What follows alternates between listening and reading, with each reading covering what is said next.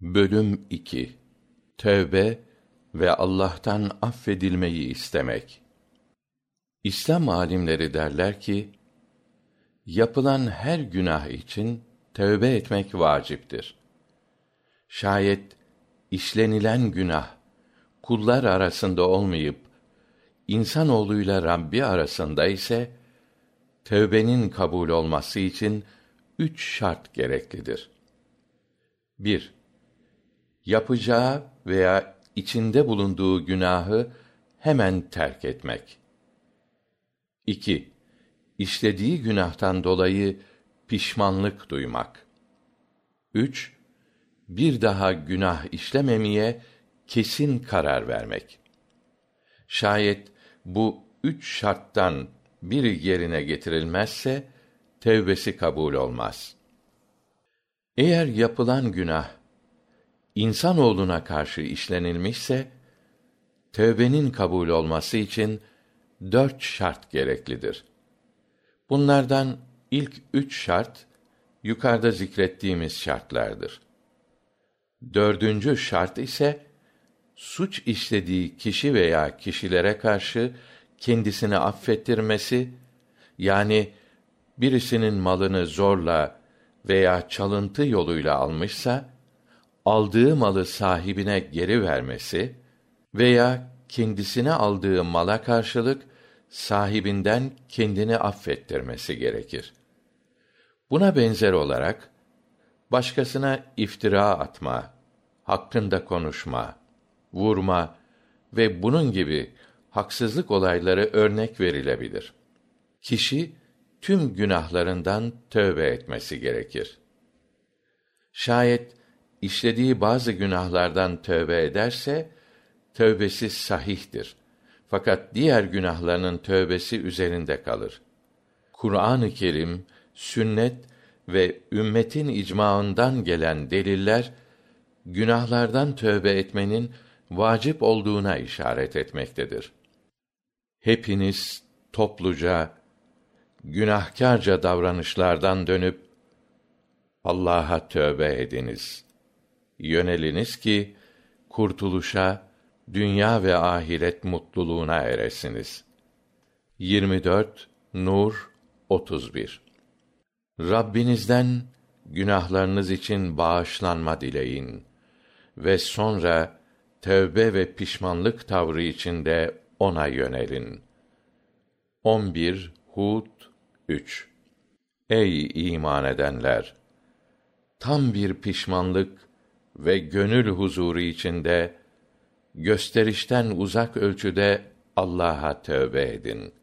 66 Tahrim 8 Hadis 13 Ebu Hureyre Allah ondan razı olsun Rasulullah sallallahu aleyhi ve sellemi şöyle buyururken işittiğini söylemiştir. Allah'a yemin ederim ki ben günde yetmiş defadan fazla Allah'tan beni bağışlamasını diler ve tövbe ederim. Hadis 14. Egar İbni Yesar el-Müzeni'den Allah ondan razı olsun rivayet edildiğine göre Rasulullah sallallahu aleyhi ve sellem şöyle buyurmuşlardır. Ey insanlar! Allah'a tövbe edin. Ondan affedilmenizi isteyiniz. Çünkü ben ona günde yüz defa tövbe ederim.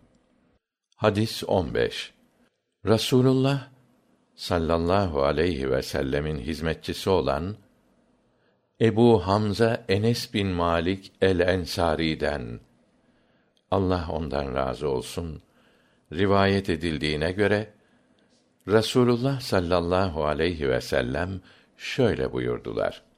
Kulunun tövbe etmesinden dolayı Allah'ın duyduğu memnuniyet sizden birinin ıssız çölde kaybettiği devesini bulduğu zamanki sevincinden daha çoktur. Müslim'in başka bir rivayeti de şöyledir.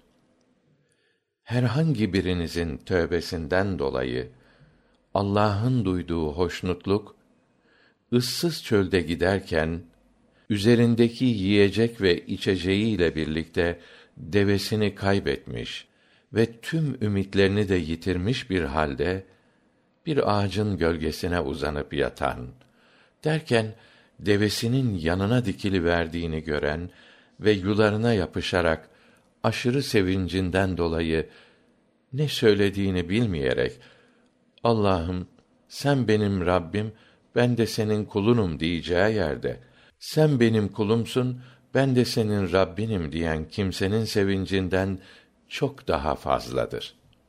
Hadis 16. Ebu Musa Abdullah İbni Kays el-Eşari'den Allah ondan razı olsun rivayet edildiğine göre Peygamberimiz sallallahu aleyhi ve sellem şöyle buyurmuştur. Allah gündüz günah işleyen kimsenin tövbesini kabul etmek için geceliğin rahmet elini açarak tövbeleri kabul eder. Gece günah işleyen kimsenin tövbesini kabul etmek için gündüz rahmet elini açarak günahları bağışlar. Güneş battığı yerden doğuncaya kadar yani kıyamete kadar bu böylece devam eder gider. Hadis 17. Ebu Hureyre'den Allah ondan razı olsun rivayet edildiğine göre Rasulullah sallallahu aleyhi ve sellem şöyle buyurdu. Güneş batıdan doğmazdan önce kim tövbe ederse Allah onun tövbesini kabul eder. Hadis 18. Ebu Abdurrahman Abdullah İbni Ömer İbnül Hattab'dan Allah onlardan razı olsun rivayet edildiğine göre Rasulullah sallallahu aleyhi ve sellem şöyle buyurdu. Bir kul can çekişmeye başlamadıkça Allah onun tövbesini kabul eder. Hadis 19. Zir İbni Hubeyş Allah ondan razı olsun şöyle demiştir. Mestler üzerine nasıl mesh edileceğini sormak üzere Safvan İbni Assal'in yanına gitmiştim. Zir bana niçin geldin diye sordu. Ben de ilim öğrenmek için deyince şunları söyledi. Melekler ilim öğrenenlerden hoşlandıkları için onlara kanat gererler. Ben de abdest bozduktan sonra mesler üzerine nasıl meshedileceği kalbimi kurcaladı. Sen de Hazreti Peygamber'in ashabından olduğun için onun bu konuda bir şey söylediğini işitmişsindir diye sormaya geldim. Safvan, evet, duydum. Peygamberimiz sallallahu aleyhi ve sellem yolculukta bulunduğumuz zaman mestleri üç gün üç gece çıkarmamayı abdest bozduktan ve uykudan sonra bile mestlere meshetmeyi ancak cünüp olunca mestleri çıkarmayı emrederdi dedi. Onun sevgiye dair bir şeyler söylediğini işittiniz mi dedim. Evet işittim.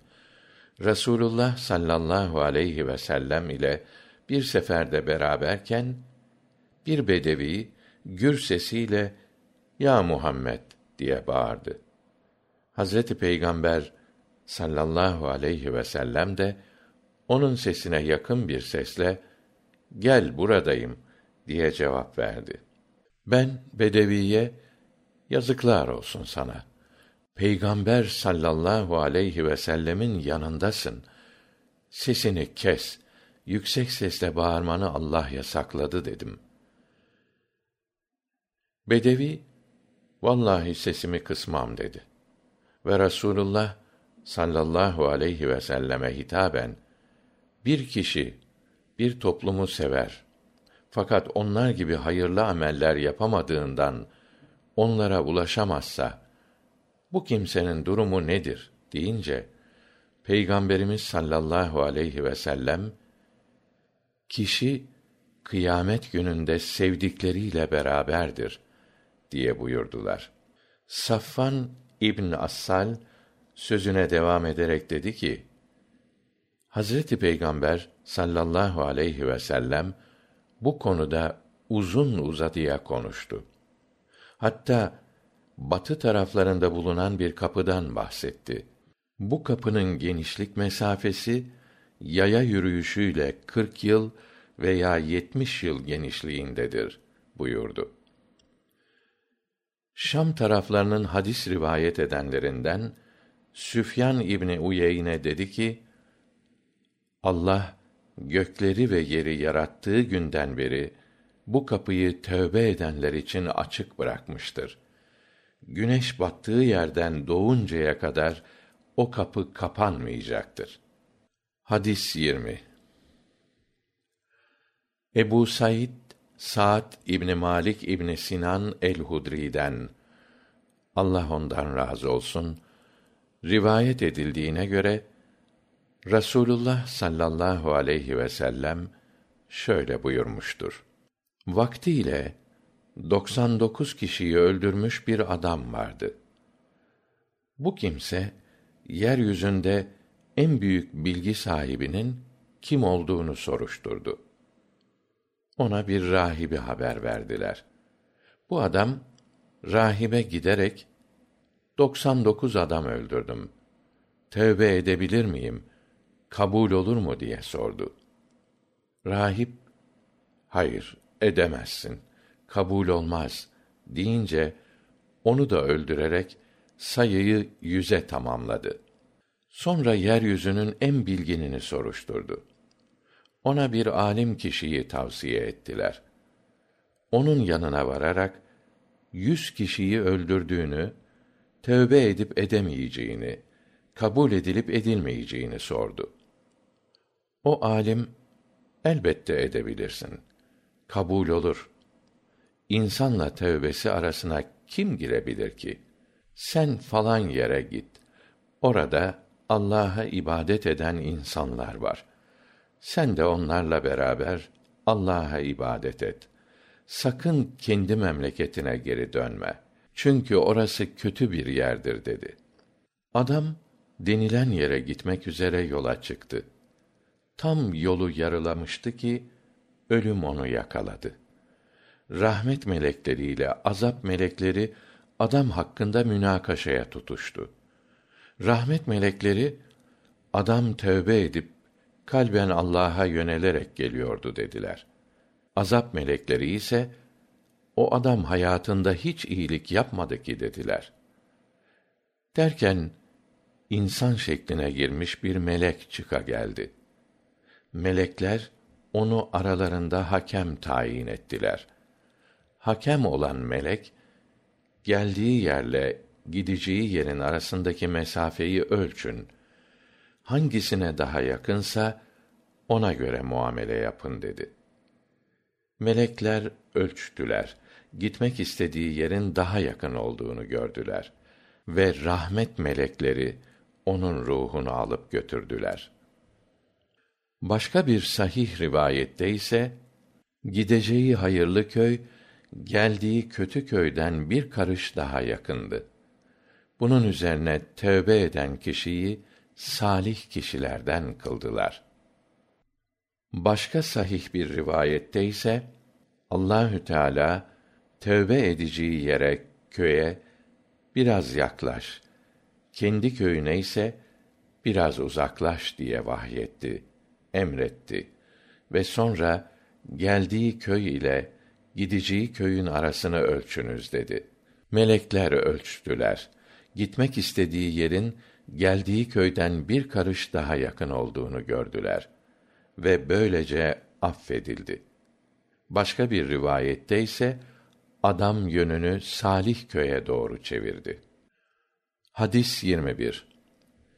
Kâb İbni Malik Allah ondan razı olsun gözlerini kaybettiği zaman onu elinden tutup götürme işini yapan oğlu Abdullah'tan rivayet edildiğine göre şöyle demiştir.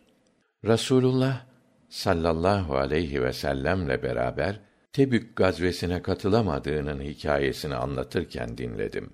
Şöyle dedi: Rasulullah sallallahu aleyhi ve sellemin gittiği savaşlardan Tebük savaşından hariç diğer savaşlardan geri kalmamıştım.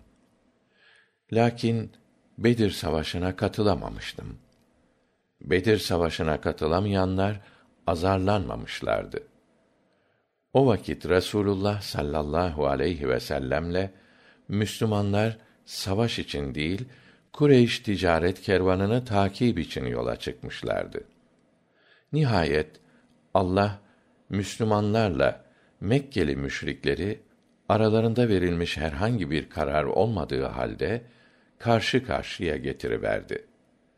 Ben Akabe biatının yapıldığı gece bizler İslam'a yardım etmek için söz verirken Rasulullah sallallahu aleyhi ve sellemin yanındaydım. Her ne kadar Bedir savaşı Akabe gecesinden daha meşhur ise de ben Bedir savaşında bulunmayı Akabe'de bulunmaktan da üstün görmem. Tebük gazvesine Rasulullah sallallahu aleyhi ve sellemle birlikte katılamayışım şöyle oldu. Ben daha önceleri katılamadığım bu savaş sırasındaki kadar hali vakti yerinde değildim. Yani bu savaşta zengin ve varlıklıydım. Vallahi bu savaşa kadar iki deveyi bir arada hiç bulamamıştım. Bu savaş günlerinde ise iki binitim vardı. Sonra Rasulullah sallallahu aleyhi ve sellem bu savaşa gelinceye kadar gideceği yeri söylemez, başka bir yere gider gibi görünürdü.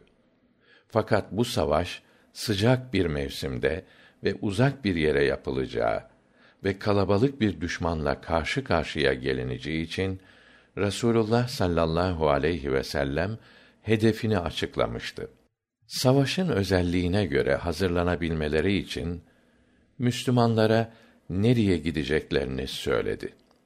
Rasulullah sallallahu aleyhi ve sellemle birlikte savaşa katılanların sayısı çok fazlaydı ve isimleri de bir deftere kaydedilmemişti.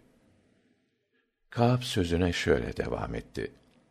Herhangi bir kimse savaşa gitmemek için gözden kaybolsa, bu konuda vahiy nazil olmadıkça bu işin gizli kalacağını zannedebilirdi. Rasulullah sallallahu aleyhi ve sellem bu savaşı meyvelerin olgunlaştığı, gölgelerin arandığı bir mevsimde yapmıştı. Ben de bunlara pek düşkündüm. Rasulullah sallallahu aleyhi ve sellem ve Müslümanlar savaş için hazırlığa başladılar. Ben de savaşa hazırlanmak için çıkıyor fakat hiçbir şey yapmadan geri dönüyordum. Kendi kendime de ne zaman olsa hazırlanırım diyordum. Günler böyle geçti. Herkes işini ciddi tuttu ve bir sabah Rasulullah sallallahu aleyhi ve sellemle birlikte Müslümanlar erkenden yola çıktılar. Ben ise hazırlanmamıştım. Ertesi sabah yine hazırlık için evden çıktım. Fakat hiçbir iş yapmadan geri döndüm. Hep aynı şekilde davranıyordum. İnsanlar savaş için yarışırcasına koşmaya başlayıncaya kadar ben aynı halde devam ettim.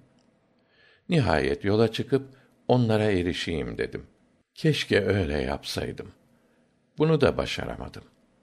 Rasulullah sallallahu aleyhi ve sellem savaşa gittikten sonra insanların arasına çıktığımda beni en çok üzen şey savaşa gitmeyip geride kalanların ya münafık diye bilinenler veya aciz oldukları için savaşa katılamayan kimseler olmasıydı. Resulullah sallallahu aleyhi ve sellem Tebük'e varıncaya kadar adımı hiç anmamış, Tebük'te ashabın arasında otururken Kâb İbni Malik ne yaptı diye sormuş. Bunun üzerine Beni Selime'den bir adam, Ya Resûlallah, elbiselerine ve endamına bakıp gururlanması, onu Medine'de alıkoydu demiş. Bunun üzerine Muaz İbni Cebel, ona ne çirkin söz söyledin demiş. Sonra da Peygamber sallallahu aleyhi ve selleme dönerek Ya Resulallah, biz onun hakkında hep iyi şeyler biliyoruz demiş. Rasulullah sallallahu aleyhi ve sellem de hiçbir şey söylememiş.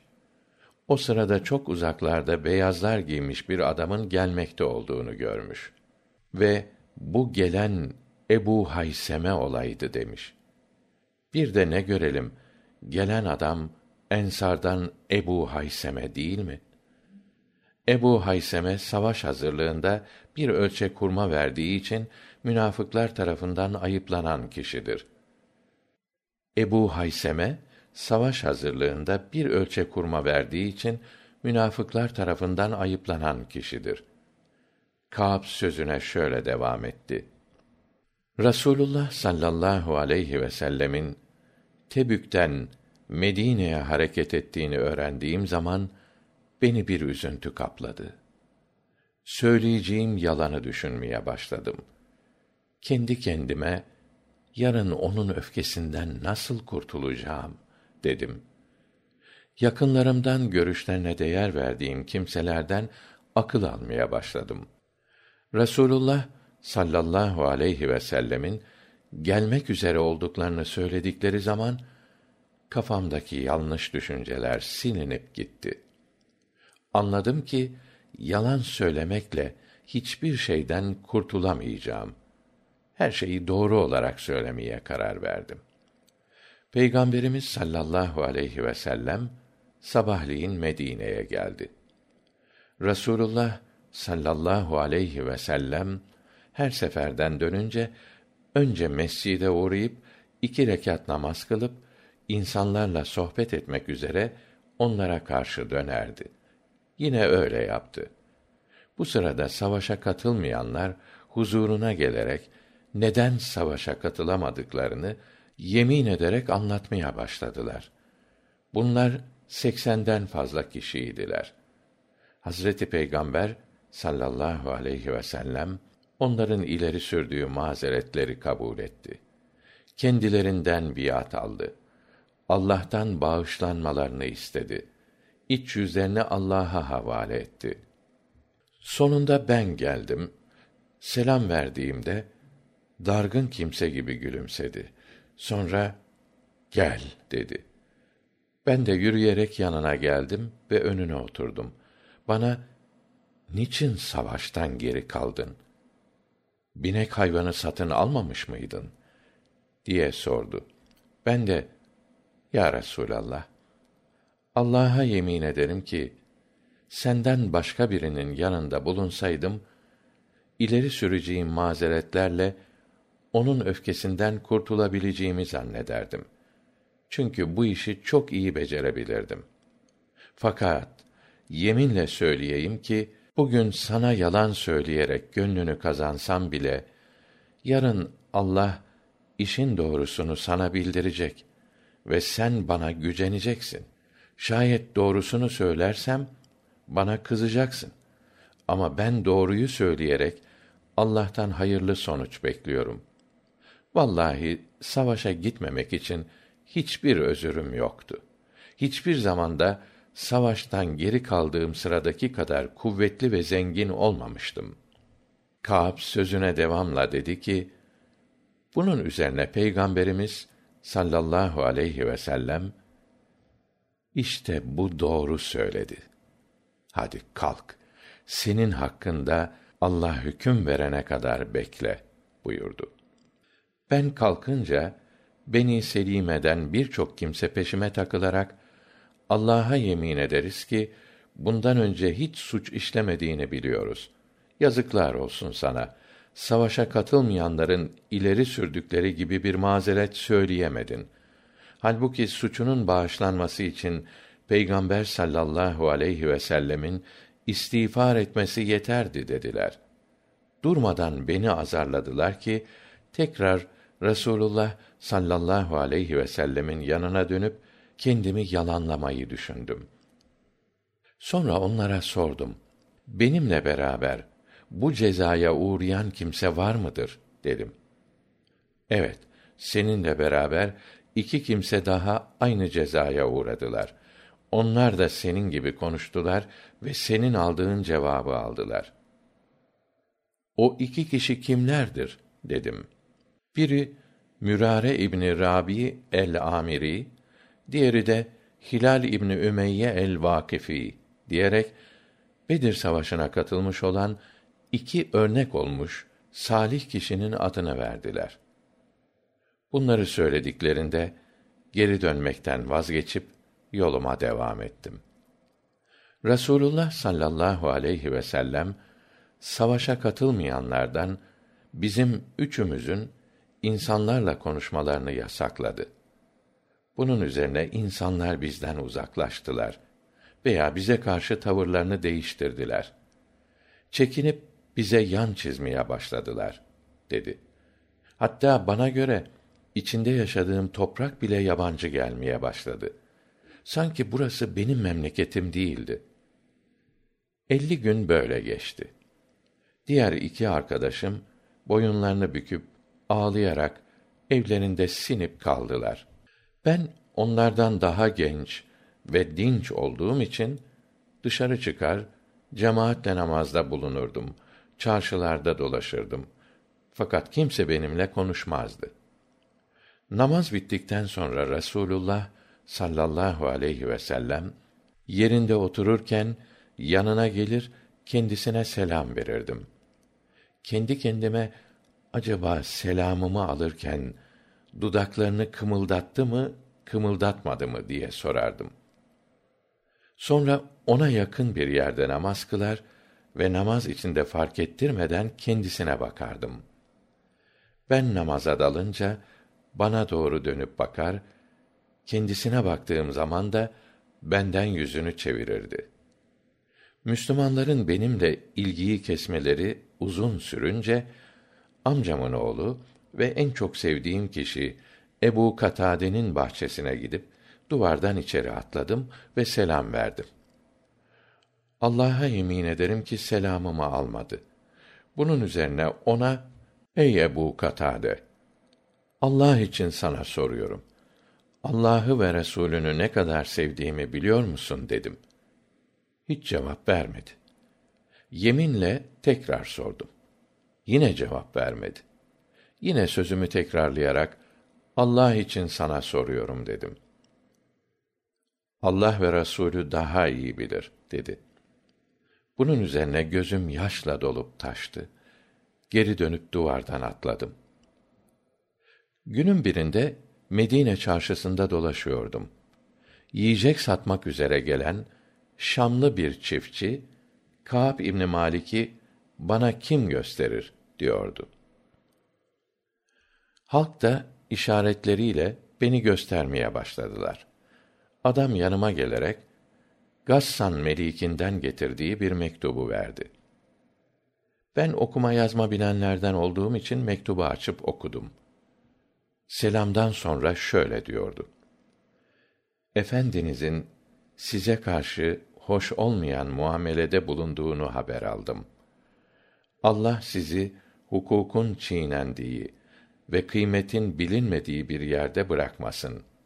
Hemen yanımıza gel, size ikram ederiz. Mektubu okuyunca, bu da başka bir beladır dedim. Hemen onu ateşe atıp yaktım.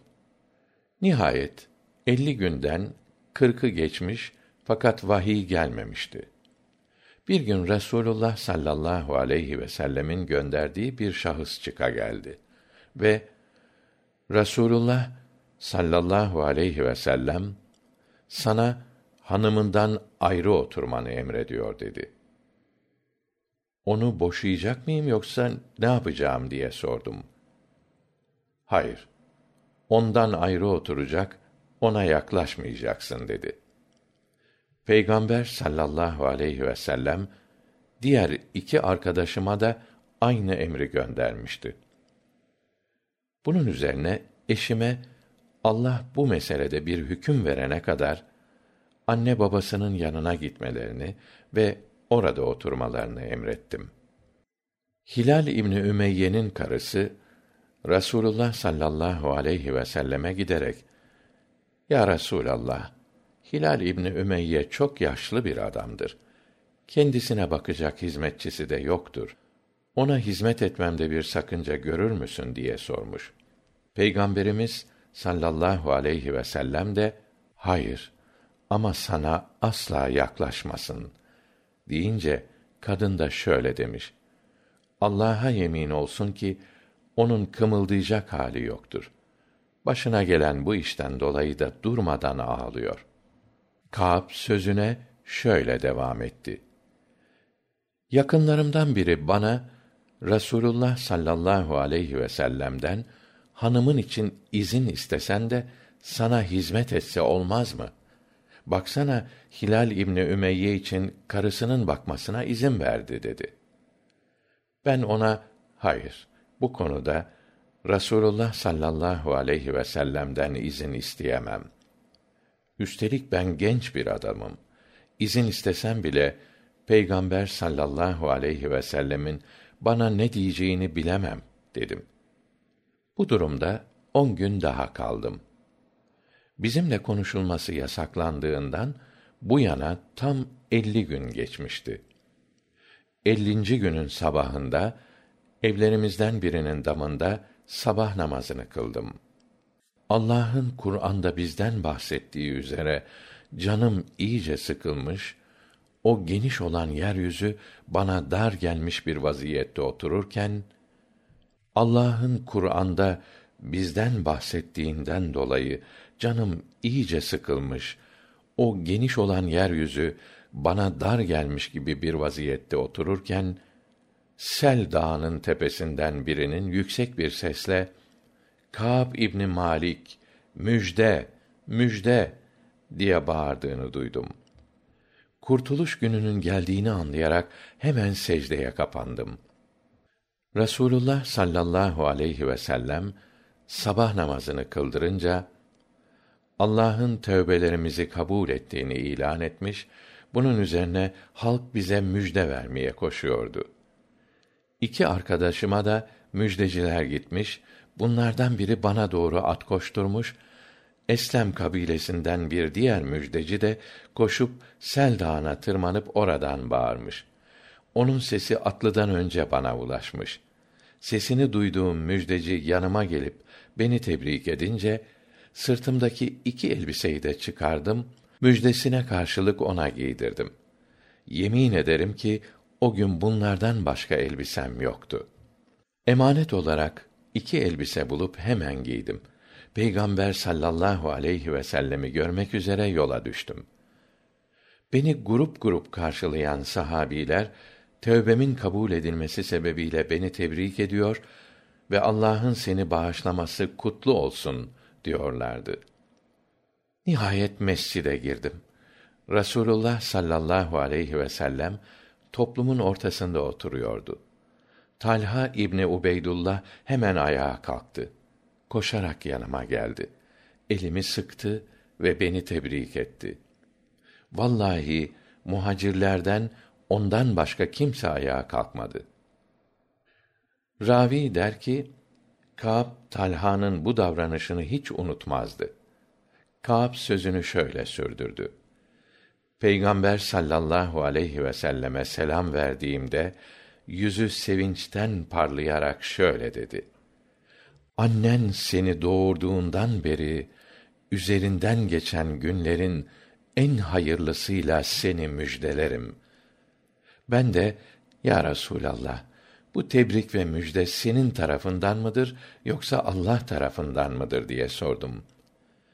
Benim tarafımdan değil, yüce Allah tarafındandır diye buyurdu.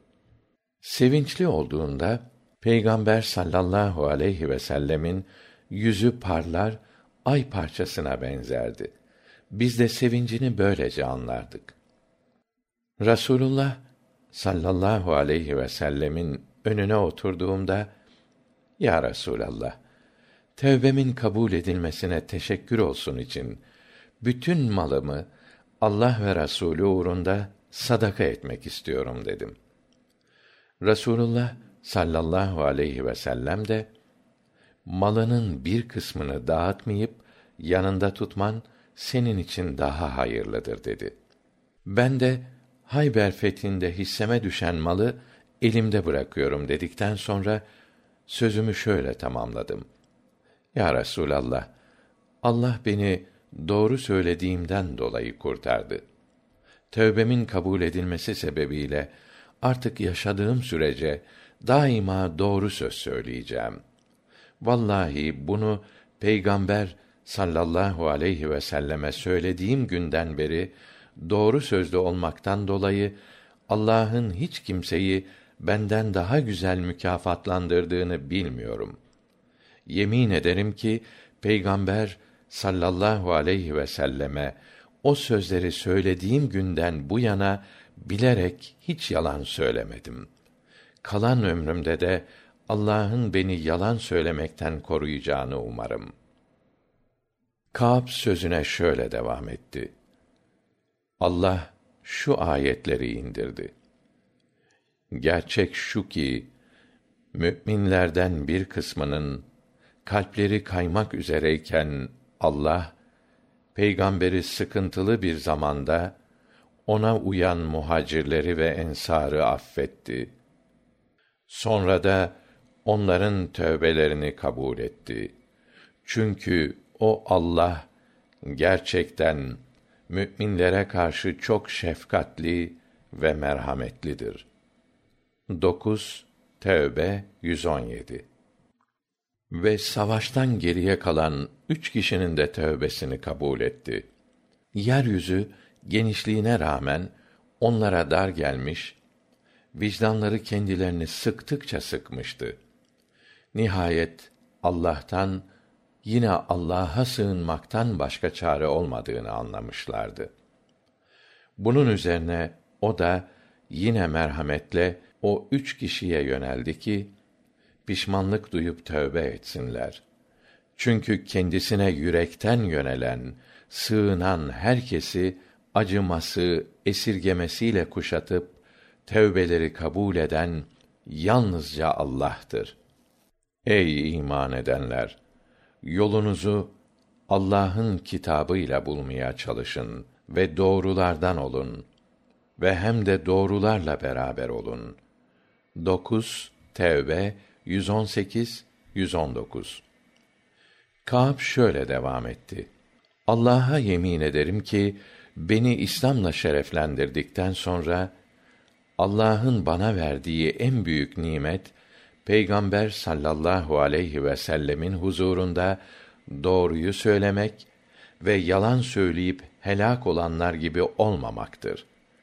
Çünkü Allah yalan söyleyenler hakkında vahiy gönderdiği zaman hiç kimseye söylemediği ağır sözleri söyleyerek şöyle buyurdu: Savaştan o münafıkların yanına döndüğünüz zaman kınama ve ayıplamadan vazgeçesiniz diye Allah adına yemin edecekler. O halde bırakın peşlerini. Çünkü tiksinti veren kimselerdir onlar. Kazandıkları işlerin cezası olarak da varacakları yer cehennemdir. Sizi hoşnut etmek için yemin edeceklerdir. Ama siz onlardan hoşnut olsanız bile biliniz ki Allah ilahi sınırları aşıp itaat dışında kalanlardan asla razı olmayacaktır.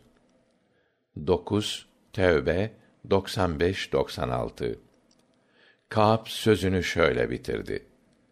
Biz üç arkadaşın bağışlanması Peygamber sallallahu aleyhi ve sellemin yeminlerini kabul edip kendilerinden biat aldığı ve Allah'tan affedilmelerini dilediği kimselerin bağışlanmasından elli gün geri bırakılmıştık. Nihayet Allah bu konuda yukarıda açıklandığı üzere hüküm verdi. Allah'ın bahsettiği bu geri kalma hadisesi bizim savaştan geri kalmamız değil, bizim işimizin o yemin edip de özürleri kabul edilenlerden geriye bırakılmamızdır. Diğer bir rivayette Rasulullah sallallahu aleyhi ve sellem Tebük savaşına perşembe günü çıkmıştı. Sefere perşembe günü çıkmayı severdi. Başka bir rivayette Ancak gündüzün kuşluk vaktinde seferden evine dönerdi.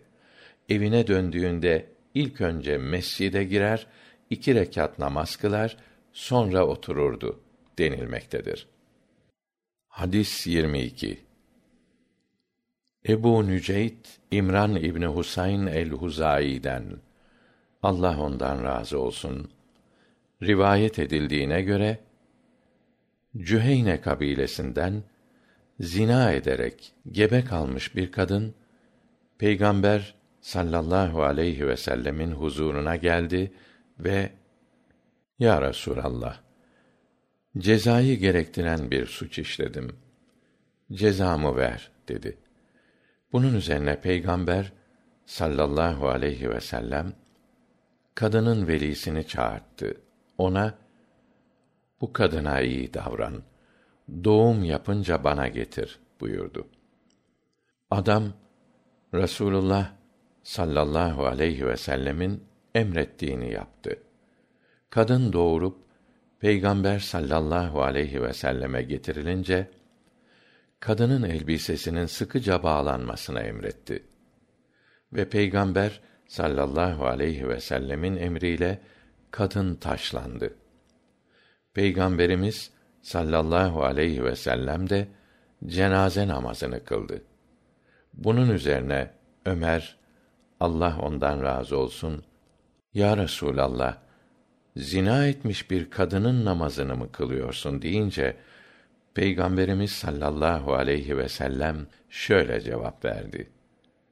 O kadın öyle bir tövbe etmiştir ki onun tövbesi Medine halkından yetmiş kişiye dağıtılsaydı hepsine bol bol yeterdi.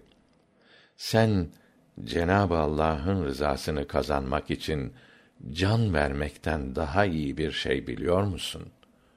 Hadis 23 İbn Abbas ve Enes bin Malik'ten Allah onlardan razı olsun rivayet edildiğine göre Rasulullah sallallahu aleyhi ve sellem şöyle buyurdu. Adem oğlunun bir vadi dolusu altını olsa bir vadi daha ister. Onun ağzını topraktan başka bir şey doldurmaz. Allah tövbe edenin tövbesini kabul eder. Hadis 24. Ebu Hureyre'den Allah ondan razı olsun rivayet edildiğine göre Rasulullah sallallahu aleyhi ve sellem şöyle buyurdu. Birbirlerini öldüren ve ikisi birden cennete giren iki kişiden Allah onlara rızasını göstererek güler. Bunlardan biri Allah yolunda savaş ederken diğeri tarafından öldürülür. Katil olan sonradan tövbe eder, Müslüman olur, o da Allah yolunda savaşarak şehit düşer. Katil olan sonradan tövbe eder, Müslüman olur, o da Allah yolunda savaşarak şehit düşer.''